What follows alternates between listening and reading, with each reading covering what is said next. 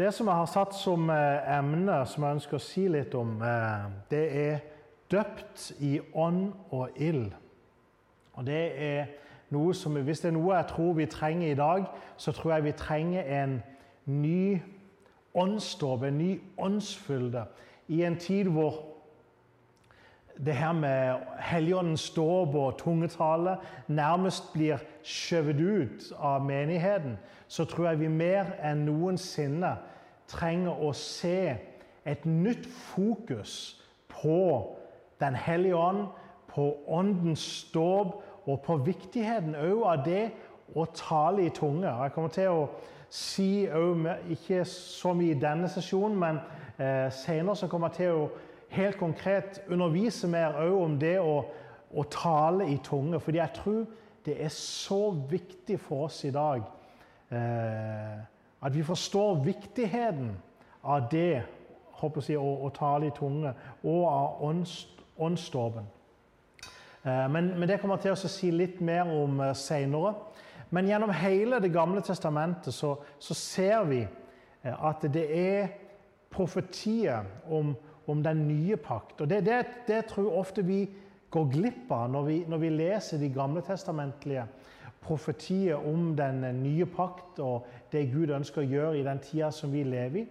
Det er hvor, hvor nært knytta profetiene om den nye pakt og, og, da tenker jeg på, på sannheter som at, eh, at synd skulle bli tilgitt, eh, at Gud skulle ta bolig inni, inni oss. Hvor, Ofte så tror jeg vi går glipp av hvor tett disse profetiene òg er knytta til dåpen i Den hellige ånd. Og nå sier jeg ikke det at eh, hvis ikke du tar det i tunge, så, så, er du ikke frelst. Men samtidig så vet vi at på pinsefestens dag, når Den hellige ånd kommer, og uh, Den hellige ånd blir utgitt, vi vet de begynner å ta det i tunge, så vet vi Peter han reiser seg opp under Den hellige ånds inspirasjon. Og så sier han at det som skjer nå, det er det profetene talte om når de profeterte om den nye pakt. Så, og det som skjedde der, det var jo en helligåndsdåp. Det, det var jo det som fant sted der i Apostelens gjerninger kapittel 2. Så når de blir døpt i Den hellige ånd, så reiser Peter seg opp og sier dette det er det Joel profeterte om. Dette er oppfyllelsen av de profetiske ord om hva Gud ønsker å gjøre i de siste tider. Og Gjennom hele Det gamle testamentet så er det, så er det mange, eh, mange profetiske ord som taler om jeg, eh, den nye pakt. Og det som, det som, er tydelig når vi leser disse profetiske ord, det er at Gud ønsk, ønskte å få en nær relasjon igjen med mennesket. Gud var ikke bare interessert i å tilgi synd. I mean, det i seg sjøl er jo fantastisk at vi kan få vår synd tilgitt. Hadde det bare vært det, så hadde det vært ja og amen og halleluja. Men når man leser de profetiske ord om den nye pakt, så forstår vi at, at Gud ønsket mer enn bare å tilgi synd og så overlate oss til, eh, til oss sjøl. Eh, og så kunne han være i himmelen, og så kunne vi være her nede. Men vi hadde det privilegiet at vi kunne få vår sønn tilgitt. Nei, vi ser i de profetiske ord om den nye pakt at Gud han ønskte å bli ett med oss her på jorda. Han ønsket at vi ikke, ikke bare skulle være hans folk, eh, han skulle være der oppe og vi skulle være her nede. Nei, han ønsket å bli med oss i den grad at han tok bolig inni oss, og at det forvandla oss. En av de profetier eh, som veldig tydelig taler om dette, er Esekiel. Eh, Esekiel 36, 26-27. Eh, der står det Jeg skal gi dere et nytt hjerte og en ny ånd i deres indre. Jeg skal ta steinhjertet ut av kroppen deres og gi dere et kjøtthjerte i stedet. Jeg skal gi dere min ånd i deres indre, og jeg skal gjøre sånn at dere vandrer etter mine lover, og så dere holder mine dommer og gjør etter den. Så, så det Gud profeterer om her, er jo faktisk det, det, burde virkelig få oss til å gå Wow! Det her er fantastisk. Det Gud sier, det er at han ønsker å flytte på innsida av oss. Han ønsker å gi oss av sin egen ånd inn i våres indre. Og så sier han at dette kommer til å føre til at vi kommer til å vandre etter hans lover og holde hans dommer. Så med andre ord det han sier at når han legger sin ånd inn i oss, så kommer det til å føre til en forvandling i oss som gjorde at måten vi lever på, kom til å være annerledes. Vi kommer, vi kommer til å gjøre etter hans lover følge hans bud, ikke bare fordi at de sto på noen steintavler at det skulle vi gjøre, men den lov kom til å bli skreven i vårt indre Sånn at istedenfor at Gud bare avleverte ei liste over bud og regler som vi skulle holde, så kom, så kom disse bud og reglene de kom til å bli en indre lengsel. De kom til å komme fra innsida av oss. Du vet, Religion de ønsker å legge bud og regler på folk for å forandre folk fra utsida. Og så håper de at det skal jeg, nå inn til innsida. Gud han gjør det helt motsatt. Han begynner med å forandre innsida. Og når han forandrer innsida, så er hans drøm, hans plan, det at det skal trenge gjennom til det òg forandrer vår utsida, måten vi lever på. Så Gud ønsker å legge sin ånd i oss. Og det kom til å føre til at vi levde etter hans, at vi fulgte hans bud og hans regler. Og Det er jo, det er jo dette Paulus taler om i Romerbrevet 8. Romerbrevet 8 er jo et fantastisk vers, kapittel eh, å lese. Eh, og Jeg oppfordrer deg absolutt til å lese hele kapittelet. Eh, fantastisk kapittel. Men, men i Romerbrevet 8, vers 3 og 4 så sier Paulus For det som var umulig for loven, fordi den var maktesløs pga. kjøttet, det gjorde Gud ved å sende sin egen sønn i syndig kjøtts lignelse. Og for syndens skyld. Han dømte synden i kjøttet for at lovens rettferdige krav skulle bli oppfylt i oss, vi som ikke vandrer etter kjødet, men etter ånden. Paulus sier egentlig her det samme som Esekiel profeterer om. Gud hadde gitt dem loven, men loven var maktesløs. Hvorfor? Fordi at det var ikke i vår natur Vi evna ikke i vår natur å gjøre det loven sa til oss. Det var ikke fordi at ikke vi likte loven, det var ikke fordi at loven ikke var god.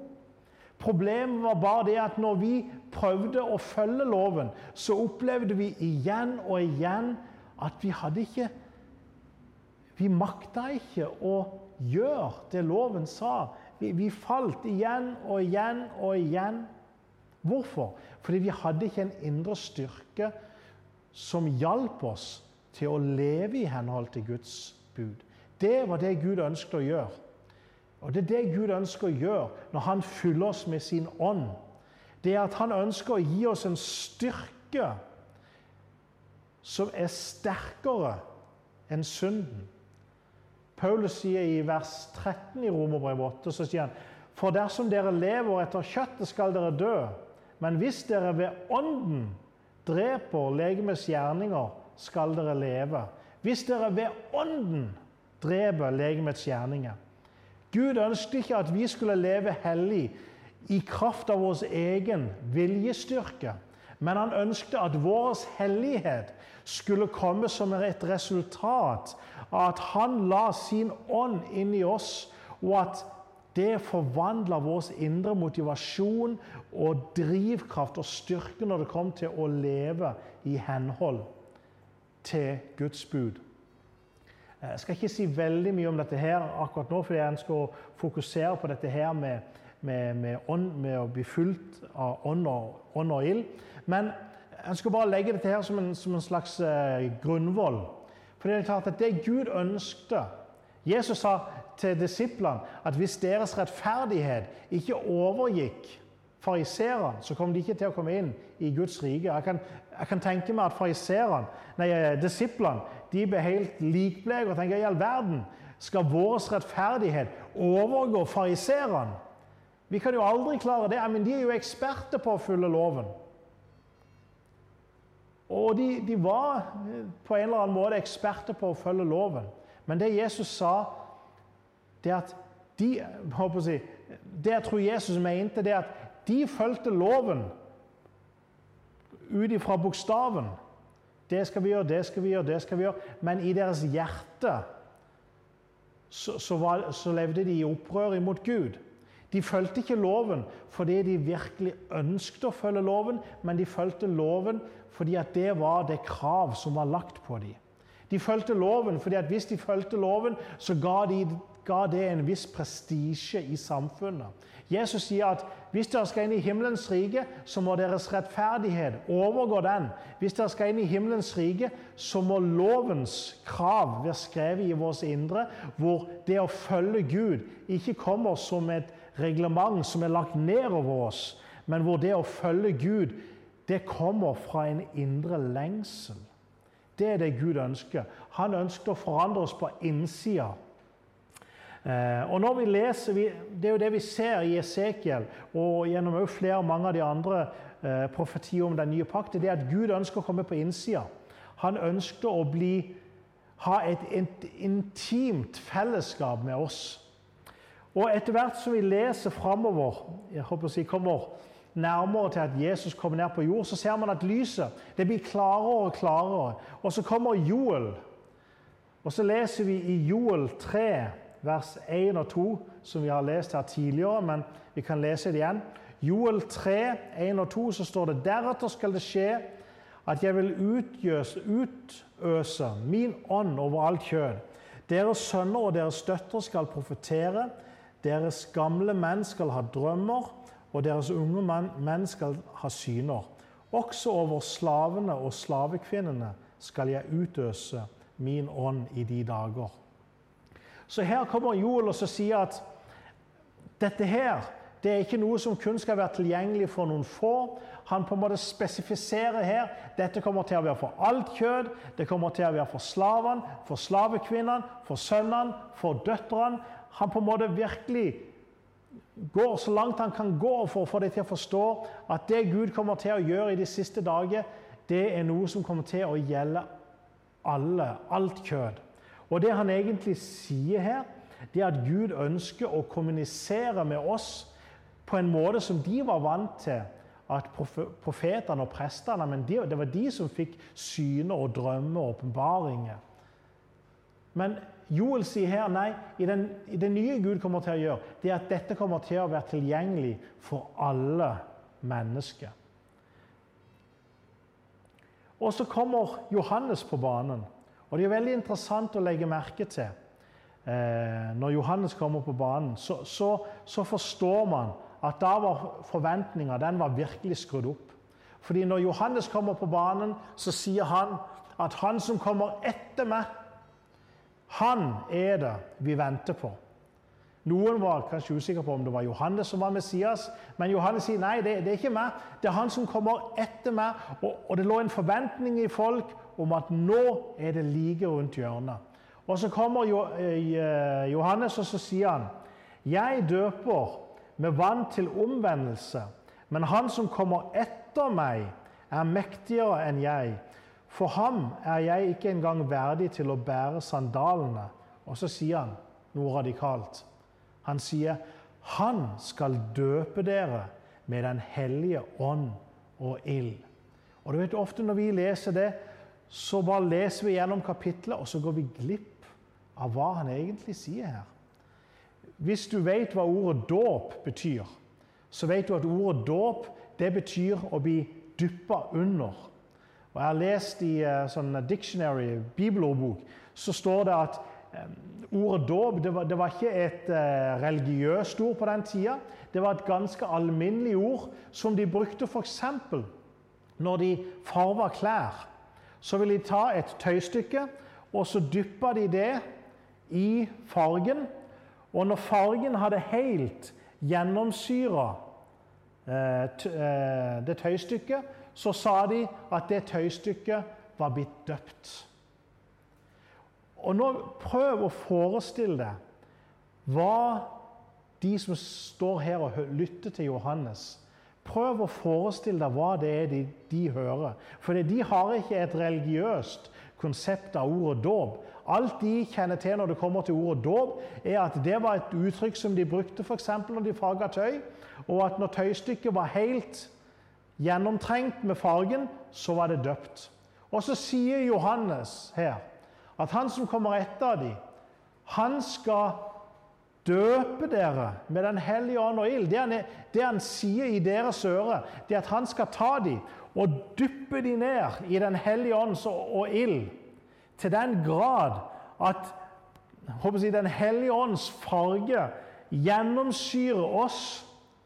Og da vil vi være døpt. Når, når jeg leste det, så, så ble det utrolig levende for meg.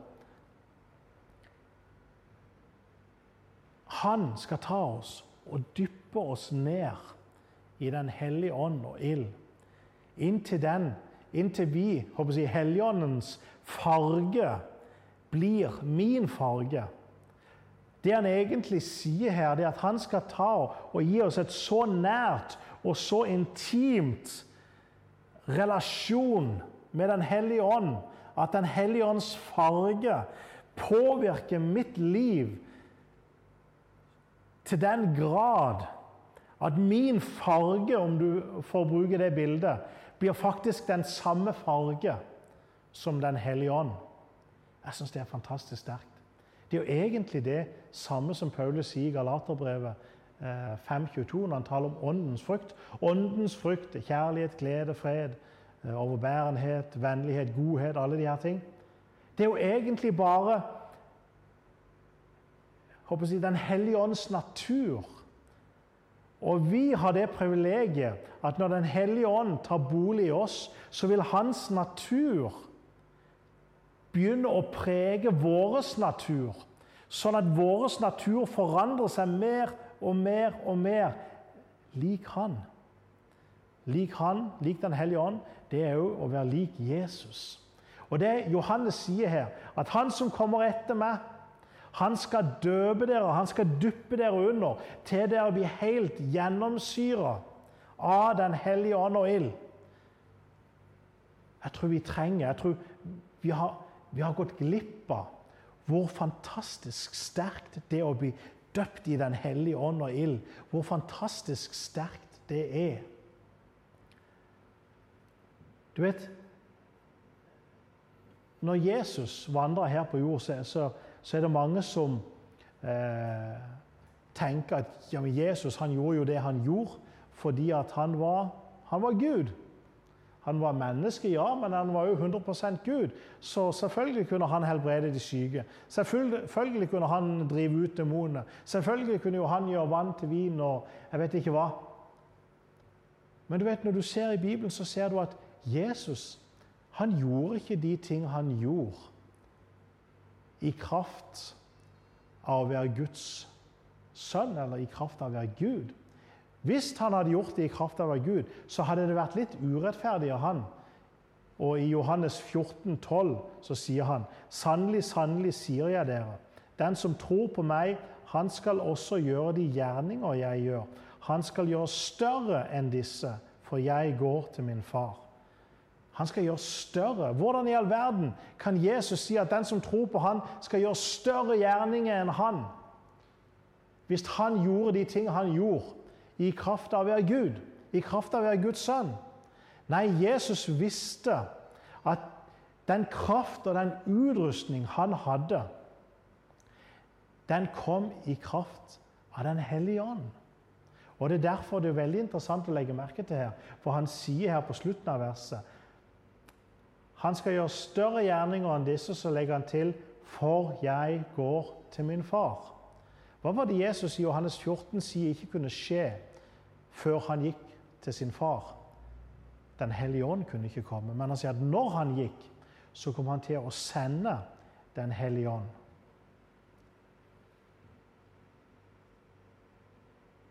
Når man leser jeg, om Jesu liv, så vet vi at vi leser ikke veldig mye fra Jesu barndom. Men jeg er helt sikker på at når Jesus var en tenåring, så møtte Jesus mange som var syke. Mange som var lamme, kanskje mange som sleit med demoner. Og så er jo spørsmålet hadde ikke Jesus medlidenhet med dem? Brydde ikke Jesus seg om de syke før han ble si, rundt i 30-årene? Jo, selvfølgelig hadde han medlidenhet med dem. Så kan man spørre ja, men var han ikke Guds sønn før han kom opp i 30-årene og ble døpt av Johannes? Og det står at Den hellige ånd kom over ham. Jo, selvfølgelig så var han Guds sønn. Men tingen var den at Jesus gjorde det han gjorde i kraft av å være fylt av Den hellige ånd. Og Det kommer veldig tydelig fram i Lukas 3, 20-21 og 22 så leser man hvordan Jesus blir døpt. Og når han blir døpt, så leser man hvordan Den hellige ånd kom ned over ham i legemlig skikke som en due. Og så leser vi rett etterpå han blir ført inn i ørkenen for å bli frista.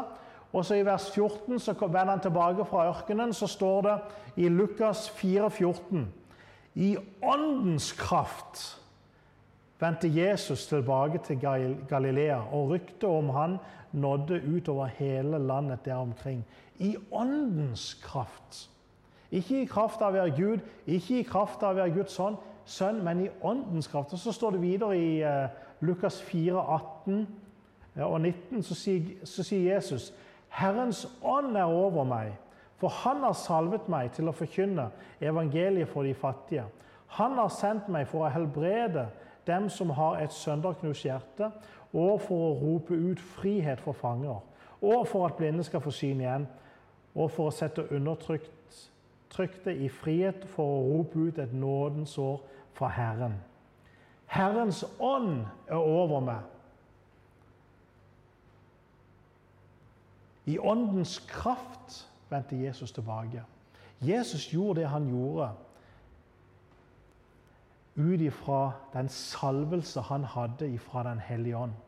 Og Johannes sier at han som kommer etter meg, altså Jesus, han sier at han skal døpe oss i Den hellige ånd og ild. Hvordan kunne Jesus si at de som tror på han skulle gjøre større gjerning enn det han gjorde? Jo, fordi han visste at de som trodde på han, de kom òg til å få den kraft og den utrustning som han hadde. Den var ikke kommet ennå, men han visste at når han reiste til Faderen, så kom Den hellige ånd til å komme. og Det leser vi om i Apostelens gjerninger 2. Og så visste han at da kom de til å få nøyaktig den samme kraft og den samme utrustning som han hadde. Vi kan lese et vers til her, eh, Johannes 7, 37-39 så står det På den siste dag, den store dag i høytiden, sto Jesus fram, ropte ut og sa:" Om noen tørster, han skal komme til meg og drikke. Den som tror på meg, som Skriften har sagt, ut fra hans indre skal det flyte strømmer av levende vann. Men dette sa han om Ånden, den som skulle bli gitt til dem som trodde på ham. For Den hellige ånd var ennå ikke gitt, siden Jesus ennå ikke var herliggjort. Så med andre ord så sier Jesus det, det var noe her som ennå ikke var kommet, Den hellige ånd. Hvorfor var ikke den kommet? Fordi han var ikke herliggjort. Og Det var jo det som skulle skje når han reiste til, eh, dro opp igjen til Faderen. Og så lovte han at når han dro opp, så skulle han sende sin ånd. Og når vi fikk Den hellige ånd, så fikk ikke vi en hellig ånd light. Vi fikk ikke bare litt av Den hellige ånd.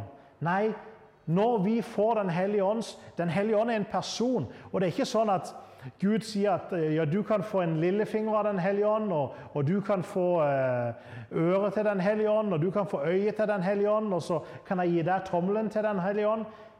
Den hellige ånd er en person, og Jesus visste at når Den hellige ånd kom til å fylle oss, så kom vi til å ha den samme iboende kraft til å gjøre de samme gjerninger som han gjorde. Jeg håper det her går opp for deg, hvor fantastisk det er. Det betyr faktisk at du har nøyaktig den samme kraft som Jesus hadde. Så kan du kanskje spørre ja, hvorfor i verden ser ikke jeg de samme ting. Det kan være mange forskjellige svar på det, kanskje, men jeg tror én ting er at Jesus visste hva han hadde. Og veldig ofte så vet ikke vi egentlig hva vi har. Men det er jo det jeg håper nå, at Den hellige ånd skal få mer og mer få åpenbare for deg. Den samme kraft som reiste Jesus opp fra de døde. Den samme kraft som opererte i Jesus sitt liv og tjeneste. Når du ble døpt og fulgt med Den hellige ånd, så ble du fulgt med den samme kraft og den samme utrustning til å operere i de samme gjerninger som Jesus gjorde. Derfor sier Jesus også i Markus 16 at disse tegn skal følge dem som tror. Det, til, det, det, er tegn som skal følge etter. De kommer til å være naturlig å helbrede de syke, kaste ut demoner. Hvorfor? Fordi den samme kraft som fyller oss, er den samme kraft som fulgte Jesus, og den samme kraft som opererte, jeg, som Jesus opererte i, i sin tjeneste. Jeg håper at du vil ta deg tid til å meditere på denne sangen. Vi skal ta og avslutte nå, men, jeg håper at du vil ta deg tid til å virkelig la det her synke inn. Den samme kraft som Jesus opererte i, den samme kraft som gjorde Jesus i stand til å gjøre mirakler, det er nøyaktig den samme Helligånd som du kan bli fulgt med i dag. Som kan fylle ditt liv, og som kan virke gjennom ditt liv og din tjeneste. Det er fantastisk gode nyheter. Amen. Amen.